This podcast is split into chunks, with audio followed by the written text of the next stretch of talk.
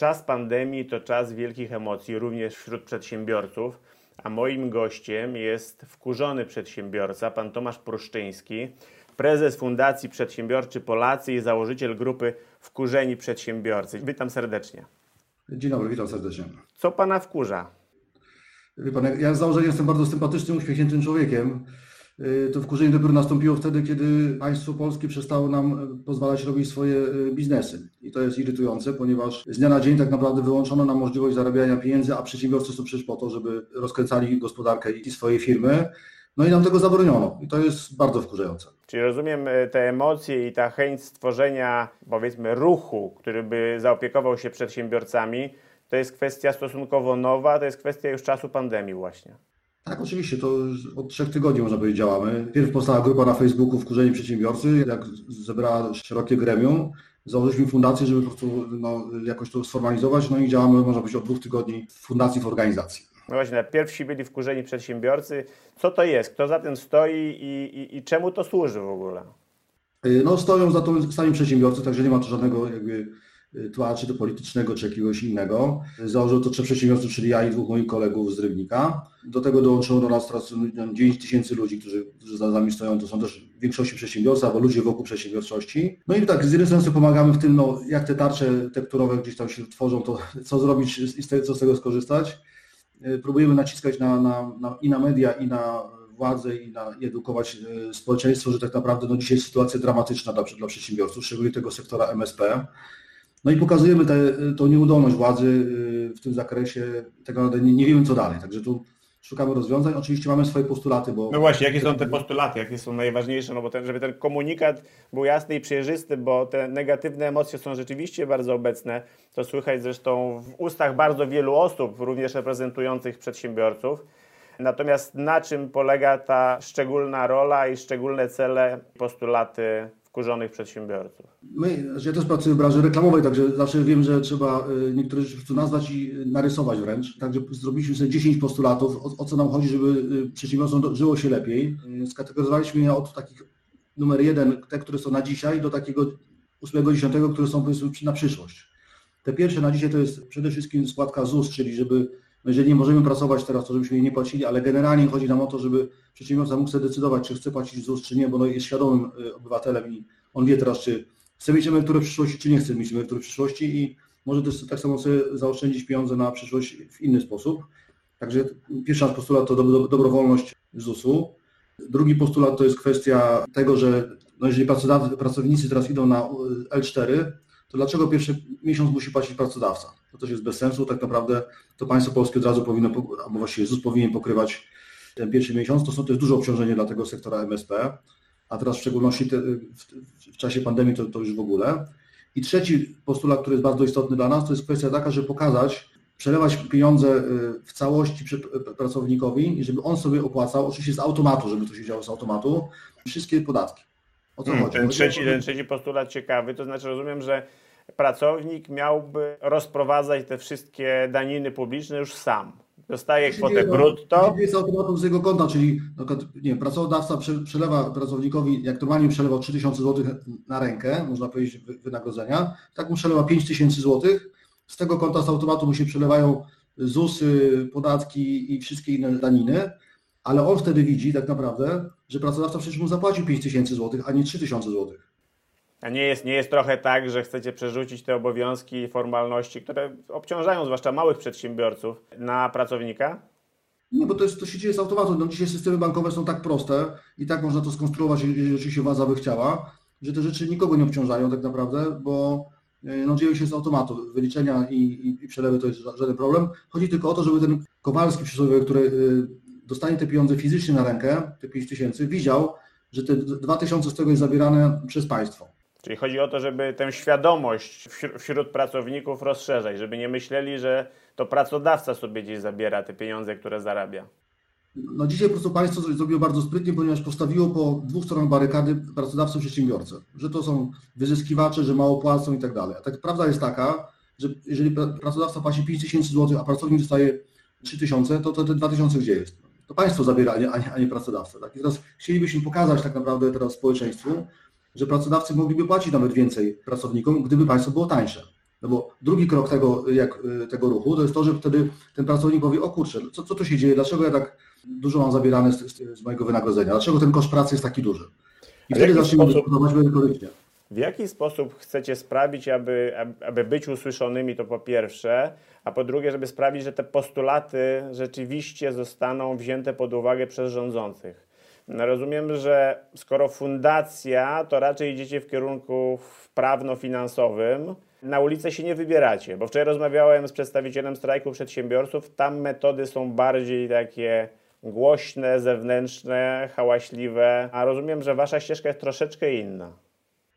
Znaczy, zdecydowanie inna bym powiedział. Oczywiście popieramy też strajki uliczne i można powiedzieć bunt taki społeczny. On też jest potrzebny. Może nie jestem typem jakiś pakera, żeby teraz schodzić z baseballem i teraz rozwalać samochody policyjne. Wychodzimy też z założenia, że niektóre rzeczy się załatwia w sposób, bym powiedział, bardziej y, systemowy.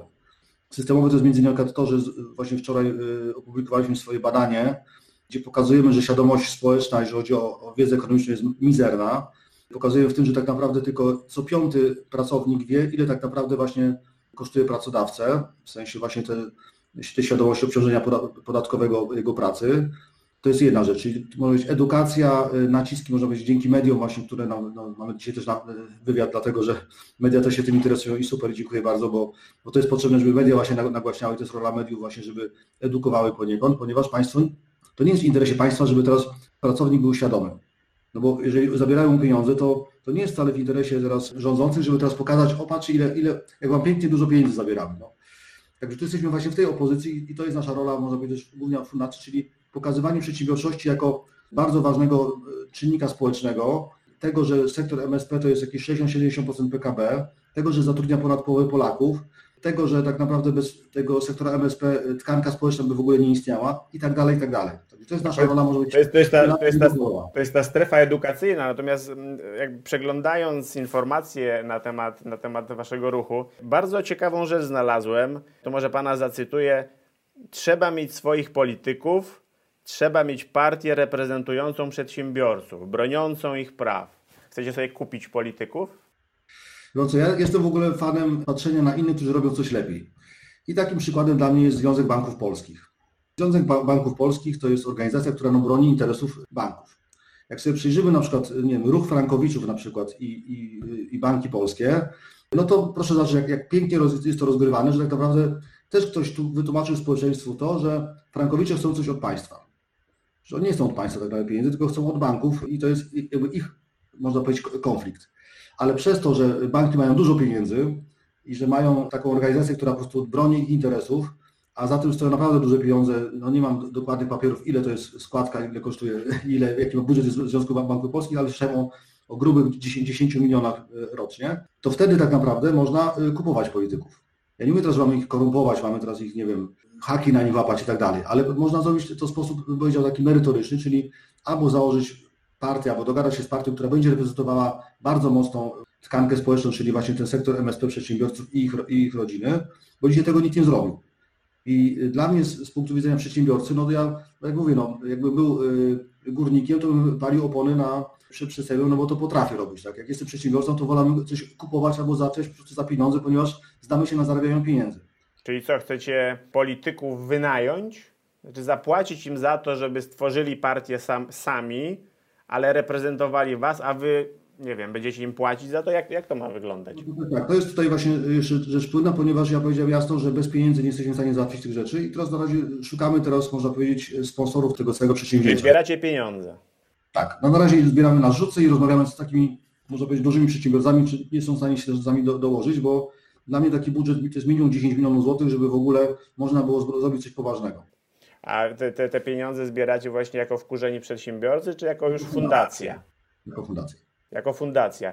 I co się stanie potem z tymi pieniędzmi? Już, już wiadomo, czy na razie to jest tylko tak, to, to, o czym mówiliśmy, taki ogólny koncept. No bo powiedzmy, że te pieniądze napływają, ludzie, tak jak rozmawialiśmy, ludzie, ludzie są rzeczywiście w emocjach, być może to też sprawi, że chętniej te pieniądze jednak będą wpłacać. No i co dalej z tymi pieniędzmi? Tak, przedsiębiorcy samo wpłacają pieniądze, bo potrafią liczyć każdą złotówkę.